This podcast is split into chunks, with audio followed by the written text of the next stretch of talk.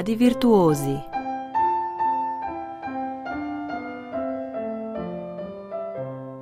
Iz majhnega raste veliko.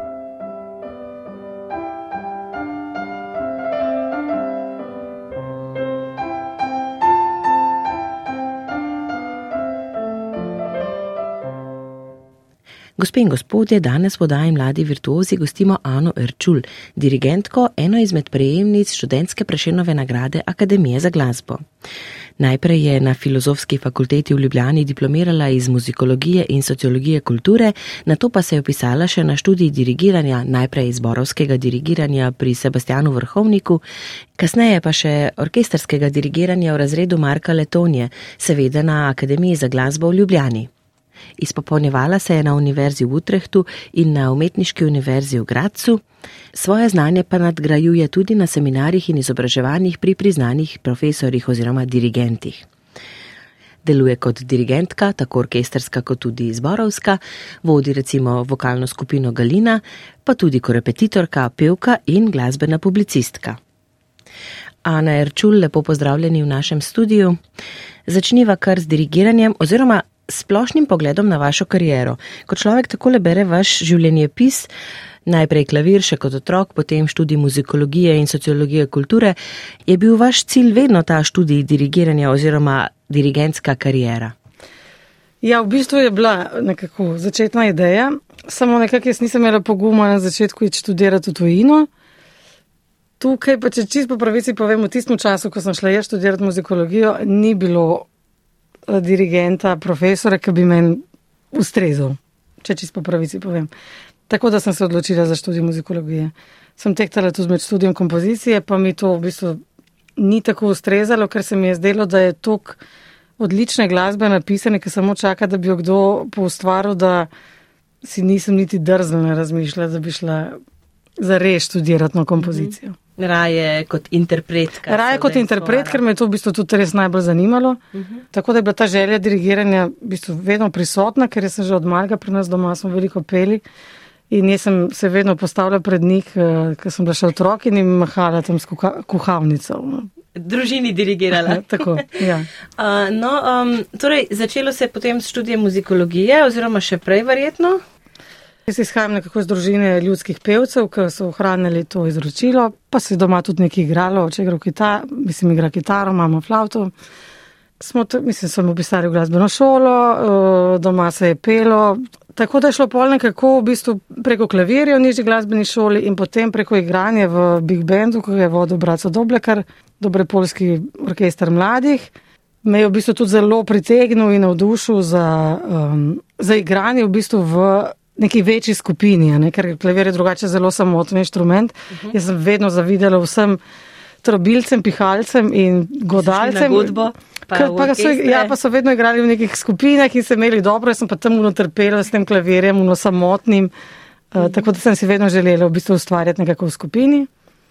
Tako da sem jaz v bistvu preko, potem sem igrala nekaj let v Big Bandu in potem sem sama ustanovila prvo vokalno skupino, ki se je imenovala Sextet Komplet, s katero smo delovali deset let. In tako je šla nekako v bistvu ta pot naprej. Upisala sem se na srednjo glasbeno šolo, tudi na gimnazijo Ledina hkrati in tam končala v bistvu teoretski oddelek. In potem so bile nekako odprte tri poti, ne, se pravi dirigenta, muzikologa ali pa v bistvu komponista. In jaz sem takrat izbrala muzikologijo. No. Ampak meni se je zdelo v bistvu ključnega pomena, da dober mentor, se pravi, jaz ne bi šla študirati na neko ustanovo, samo zato, ker je ta ustanova tam, ampak bi hotela študirati enemu človeku. No, in s Sebastianom Vrhovnikom sta se potem ujela na. Tako, na, ja, tako so se s Sebastianom v bistvu ujela na, na študiju zborovskega dirigiranja. Sem pa izvedno hrepenela, mislim, ker se vseeno izhajam iz tega instrumentalnega uh, okolja, oziroma mislim, orkestra, bi rekla Big Band, pač to je bila moja prva ljubezen, da bi ustvarjala z tudi z orkestrom. Jaz nisem nikoli hotel tega tako strašno ločiti, tega vokalnega, zborovskega in instrumentalnega. Meni se to pač zdela glasba, ki je lahko dobra ali pa slaba, ampak meni se zdi glasba v celoti, ki zajema vse glasbenike, pa ne bodo to instrumentalisti ali pa pač vokalisti. Še besedico o študiju spregovoriva. Torej, en del študija ste upravili v Ljubljani, kot smo že omenili, torej izborovsko in pa orkestersko dirigiranje. Ni pa to vse, ne? potem ste študirali še v Trstu in ta študij je zdaj tudi za vami. Tako, jaz sem v tem času, zato ker sem čakala na svoj magistrski koncert zaradi korone, ki ni bil možen, uh, ki sem ga potem izvedla lani uh, z orkestrom Slovenske filharmonije in izvedbo Pulčinele od Stravinskega in pa uverture Čarostrelc od Karl Marije von Webra. Uh -huh. Sem uh, lani zaključila še študij v Trstu, prvem Marku Anžusu, ja, uh -huh. ki je sicer specializiran za sodobno glasbo. No, smo ga v preteklih letih je velikrat gostoval tudi pri Slovenski filharmoniji in v bistvu pod njegovim mentorstvom sem zaključila v bistvu študij z, s koncertom Združ, Združenega orkestra študentov konzervatorija v Benetkah, Trstu in pa v Novem Sadu. Ta koncert je bil v Novem Sadu v sinagogi in izvali smo pa mini opero od, oziroma krajšo opero od Erika Satija Sokrat in pa balet Apollon Muzažet od Stravinskega. Velika koprodukcija. Kar velika zahtevna koprodukcija je, v bistvu smo imeli par vaj v Trstu, tam smo bili nastanjeni, ven, mislim, da so prišli še vsi glasbeniki, ne iz, dobro, za Benetke ni tukaj težava, ampak z Novega Sada pa je. Uh, tako da smo tukaj vadili, imeli en koncert v Trstu in potem to ponovili v, v Novem Sadu, ker smo prav tako imeli tri dni vaj in potem izvedli koncert v sinagogi, ker je Novi Sad je bila letos lani pravzaprav Evropska prestolnica kulture in je v, ob tej priložnosti to sodelovanje tudi nastalo. Če vprašam, ali bi raje izbrala vokalno ali instrumentalno glasbo, sploh ni odgovora. Ne, ne bi se opredeljevala. Mhm. Ja. Mogoče bom zdaj uh, brcnila v temo, ampak najprej smo pa vas poznali pred zbori, ne, z vokalom. Tako je, mislim, najprej sem šla zato, ker nisem šla, se pravi, formalno študirati dirigiranje, sem jaz se v bistvu upisala na, upisala, sem iskala te mojstrske tečaje mhm. in se tako, v bistvu moja prva mentorca za dirigiranje je bila Martina Batič, pri kateri sem v bistvu dve leti obiskovala to zborovodsko šolo oziroma šolo dirigiranja, dirigentsko in potem se ta cel študij v bistvu muzikologije zraven izpopolnjevala pri različnih mentorjih, ne vem, Gary Graydon, Stefan Schreier, mm. Ragnar Rasmussen in hkrati uh, pač obiskovala, mislim, tudi kakšne ure dirigiranja, ki jih je pa potem že začel voditi, v bistvu je postal profesor na akademiji Marko Letonija. Uh, kdaj se je pa začelo sodelovanje z Galino? Z Galino se je pa v bistvu zdaj pred 11 leti, ker smo lani praznovali deseto obletnico delovanja. Eh, se je pa začelo tako, da smo bile v bistvu tri ustanovne članice, ki prepevamo še danes, oziroma jaz jih vodim. Smo nastopali pravzaprav v, skupaj v muziklu v mestnem gledališču Ljubljanskem, eh, Goslačna strehi, ki je bila v bistvu taka velika zasedba. To je bil tudi manjši orkester, ki ga je vodil žare, dirigent Žare Prinčič. Eh, nas je bilo, mislim, da osem pevcev pevcev in pevk. In smo se medtem spoznali in potem nekako slučajno pele še v eno zboru, mešanem krok, ki zdaj sicer ne obstaja več, čisto kratek čas, ampak smo prišli na ne. Oziroma, sta bolj Ana Plemenitaš in Višnja Fičer prišli na idejo, da bi pa one dve tudi imele kvartet iz neke zavisti, Dajmo. mogoče, ker so njuni fanti že imeli no, tako podobno zasedbo vokalno. In sta mene takoj poklicali, ko sta na to idejo prišli, da če bi jaz to vodila, In sem seveda rekla ja, in tako se je začela nekako ta zgodba o Galininu.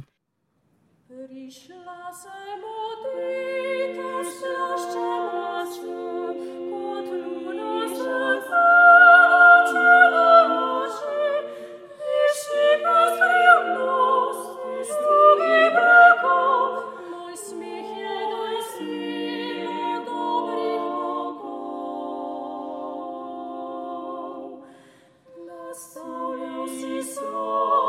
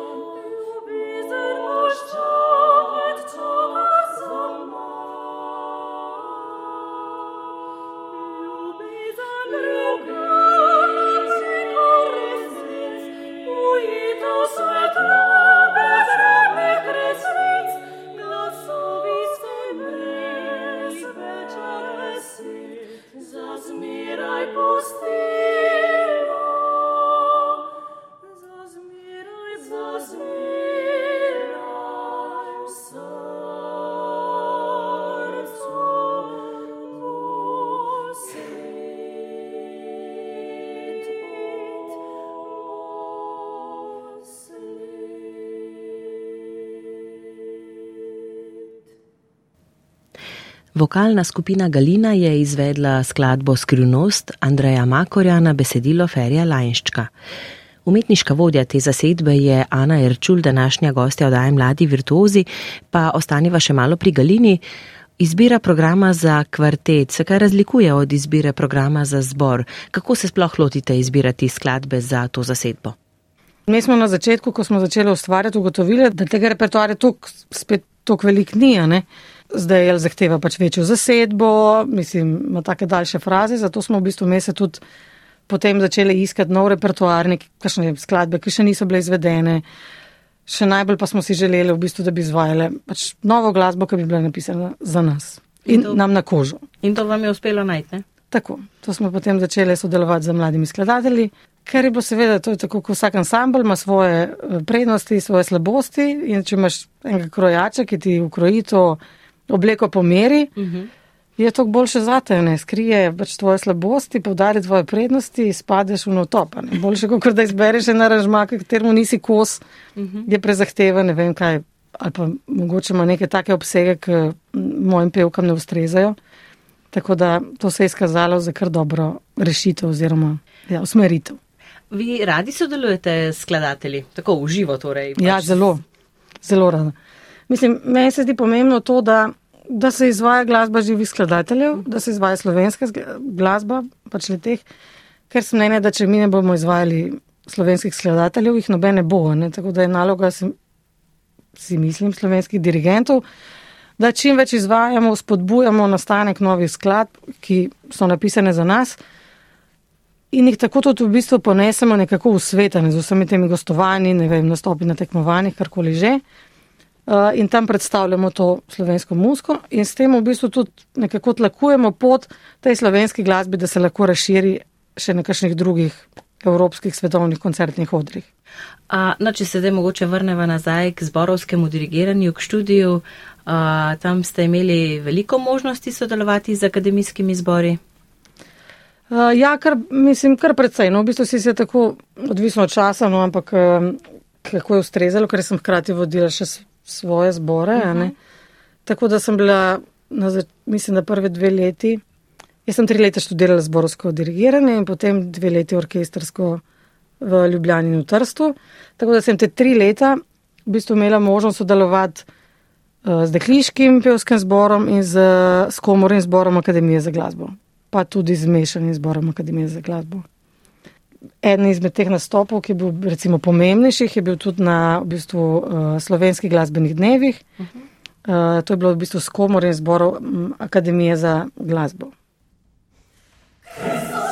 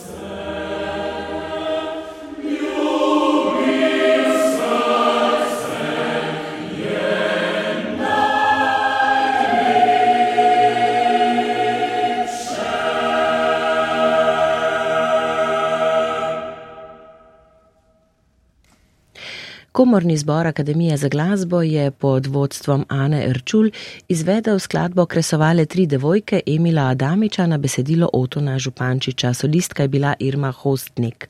Dirigentka pa torej Ana Erčul, ki jo danes gostimo v oddaji Mladi virtuozi. Pa se dotakniva zdaj še enega področja, ki bi ga rada izpostavila, to pa je glasbena publicistika. V tej vlogi smo vas poznali tudi že na programu Ars. Radi pišete o glasbi. Ja, zelo, ja, všeč mi je. Ja? V bistvu mislim, da, je, da rada pišem, ampak v bistvu najrajše, kar od tega počnem, se v bistvu najrajše pogovarjam. Tako da rad se pogovarjam z, s takimi ljudmi, ki so meni že itak vzor, pa se rada učim od njih. Tako da v bistvu je velik. Kdo pa so ti ljudje? Ja, to so ponovadi dirigenti, ker me to najbolj zanima. Ne? Tako da je tudi veliko teh mojih intervjujev je, je v bistvu z dirigenti. Ker, uh, jaz rada v bistvu hodim, zelo rada hodim na kakšne vaje od um, drugih, dirigentov? drugih dirigentov, ker se mi zdi v bistvu, da to je ono najboljša uh, učilnica uh -huh. za mlade dirigente, v bistvu, da vidijo dirigenta na delu. Dobro, se lepo je iti na koncert, ampak na koncert je pač koncert, ne, pač neke stvari uspejo, izvede, ne? neke ne, a ne se lepo mm. je unos drugače za, seveda za izvajalce, je najlepši koncert. Ne. Za recimo za nekako te študentske namene uh, je pa me najbolj zanimiva vaja, kako je, kjer opazuješ v bistvu, kako na kakšen način je delal vsak dirigent, s čem si pomaga v bistvu, da bo dosegel tisto, kar on hoče, uh -huh. če mu daje največ pozornosti, kako rešuje neke težave, ne vem, tehnične, karkoli že. Tako da meni je to v bistvu najbolj. V bistvu glavni del dirigentski se opravi prej, ne na vajah. Se opravi prej na vajah, tako da se potem rada pogovorim z, ker to opazujem, se potem rada pogovorim s kakšnim dirigentom, zakaj je naredil nekaj, zakaj. Seveda to potem nekako oblikujem v neko bolj poljudno znanstveno obliko, a ne da, mislim, kakšne stvari, ki mene zanimajo, pa mogoče čist ne bi čist vseh, a ne pač te tudi, zdaj ne vem, mogoče ne zapišem ali pa karkoli že, ampak to me v bistvu najbolj zanima. Bi mogoče omenili kakšno ime? Mislim, mene zdaj trenutno, na zadnjih nekaterih vajah sem bila, sem bila na vajah od Slovenske filharmonije, kjer so uh, izdelovali Petruško in je dirigiral dirigent Charles Dutois, uh -huh. ki je zelo priznan, renomiran, ima tudi svoje leta, svoje izkušnje. In mi je bilo zelo zanimivo ga opazovati, v bistvu, kako je izdeloval kar zelo zahtevno partituro za ogromno zasedbo. Ne? kako čemu je namenil pozornost in kako pozorno on v bistvu izdeluje detajle in kako hitro izdeluje detajle. Instrumentalisti si ne morejo privoščiti, da na prvi vaj ne bi znali Aha, nota, ne, ker se zelo hitro. Treba že vse poznati, ker treba delati nijanse. Ja, tako. A, mogoče kak drobec bi lahko izpostavili, recimo, ki ste ga pobrali, če se tako izrazim, od kakšnega od dirigentov, ni treba ravno od Dutwaja?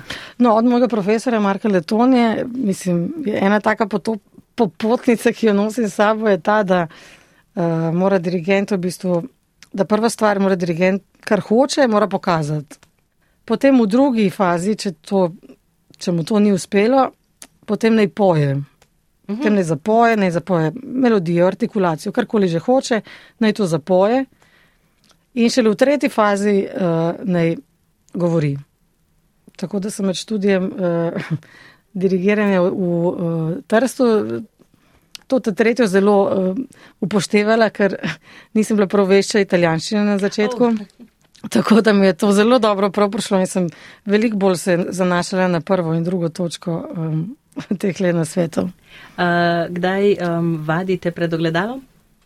Ja, tudi vadim pred ogledalom. Kako to zgleda? Ne vem, muzika v zadju na posnetek? Ja, ali pa slepo oziroma pred partituro? Ja, pred partituro, ampak tudi um, v bistvu muzika v glavi, tako Aha. da uh, moj fan doskrat reče, da tole ne zgleda prav tako, kot da bi imel tri čiste v glavi. za posnet pa za. ja, ja, ni prav. Um, ker je samo video, ni nobenega mhm. -huh. audio, ta audio se dogaja samo v glavi, se včasih tudi kaj demonstriram z glasom. Mhm. -huh.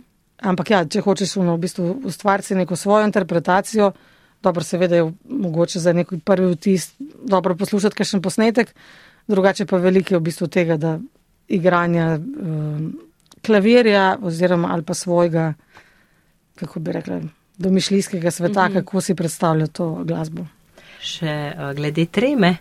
uh, stopiti na oder, tik preden dirigent stopi na oder. To so tisti trenutki, ko je orkester že oglašen, občinstvo zre v, v tista vrata, skozi katera bo prišel. Kakšen je občutek? Kaj, kaj storite, preden stopite na oder? Nimam nobenih kakšnih takih eh, strašnih ritualov. Mislim, probam se čim bolj eh, umiriti in se v bistvu samo glasbi neki, nekako posvetiti. Moram reči, da v bistvu da ni tako, ne vem, dirigent pač se tam, pač tam neki maha z rokami. Mislim, ne spravlja nobenega tona ven iz sebe, tam je v bistvu orkester in so glasbeniki. Ampak Oni- lahko pa vpliva, ne? Od Ja, dirigenta je vseeno odvisna seveda izvedba. Ja, se, seveda, je, je, seveda je odvisna, ampak meni se zdi, da v bistvu sem nekako odrešena te neke, kaj bi rekla, treme ali kaj tega pritiska, ker mora bi- biti tam v bistvu za druge, ne za instrumentaliste, za glasbenike, mene niti uh, ljudje niti v obraz ne vidijo. Ne, pač, mislim, več kot da se trudim za dobro rit, mislim, za njih je, mislim, ne vem, nekaj. Jaz sem, bil, sem v bistvu tam zaradi teh glasbenikov in jih probam čim bolj pomagati, pa čim manj jih motiti pri tem njihovem ustvarjanju. Nekako, mislim, da sem ponovadi zelo, zelo vesela, zelo rada na tem mestu, ko je, ko je nastop in koncert. In ponovadi tudi zelo uživam. No. In pravzaprav navdihovati te glasbenike, da čim boljše igrajo. Navdihovali ste jih tudi pri rapsodičnem plesu, kreku, tega bomo poslušali za konec oddaje, obstaja odlomek, kakšen spomin na te koncerte. Jaz sem zelo vesela v bistvu za to priložnost, za to možnost, ker, da sem lahko sodelovala s tako eminentnim in odličnim orkestrom. In mislim, da so se glasbeniki tudi zelo potrudili. In mislim, da je to vredno, da se za kreke naredi, ker je v bistvu eden izmed skladateljev, ki bo res ostal zapisan v slovensko glasbeno zgodovino in mu mogoče dajemo premalo poudarka. Ta rapsodičen ples je pa skladba, ki bi bila lahko vrščena na program katerega koli orkestra na svetu. In mislim, da bi se morali zelo truditi, da bi jo spravili tudi na programe katerih koli orkestrov na svetu. In je to tudi ena od teh možnosti, tudi, da se res se izda dobro partituro, ki bi jo lahko v bistvu ostali še izvajali. Je pa super efektivna skladba z takimi slovanskimi motivi in mislim, da zelo dobro izraža. Mislim, se krek je bil tudi odličen poznavalec eh, ljudskega izročila slovenskega in mislim, da je to uspel vključiti tudi v ta rapsodični ples in je bil velik mojster uh, obvladovanja glasbenega stavka in harmonije in tako. Jaz bi mu rekla, kar slovenski Briten. In sem bila res vesela te priložnosti in sem se mu tudi z veseljem posvetila. No, in mislim, da so se glasbeniki prav tako, da so uživali v izvedbi.